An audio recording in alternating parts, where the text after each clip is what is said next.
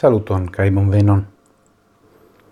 Hodiaŭ mi volas mediti kun vi sur la vortoj de Zamenhof en la traktaĵo Esperanto kaj Volapük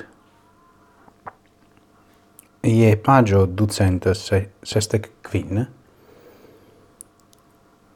Do li parolas pri interesa afero kiu ne recte rilatas al uh, Esperanto kai Folapük. Se uno foion homo ricevis credon por ia afero, li comenza serciadi en tio fero diversa in bona in flancoin.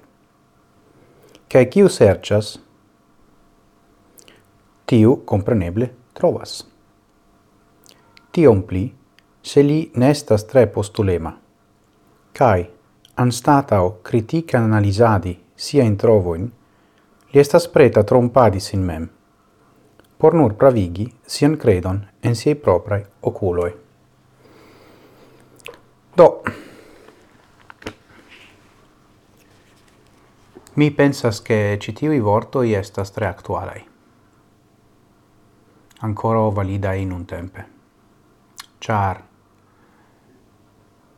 En eh, mia sperto ofte homoi nur serchas provoin por pravigi sia in eh, antaua in credoin. kai se ili trovas ec hazarde provoin contrao la credo, ili simple forgetas. Do ni besonas havi firmain punctoin por vivi. Ne por pluvivi, por vivi. Kaj do mi tutte comprenas tion. Tio esas tre homa. Sed, ali flanque, critica analizo de la factoi, de la pruvoi, estas tre grava ancau. Cai malantau cio ci, lau mi, estas curagio. Oni devas curagi por critica analisi propria incredoin.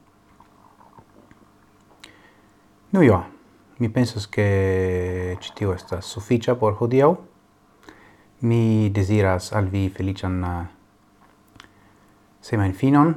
Ni revidos nin morgau, ciu case. kai por momente, antauen, sen fine.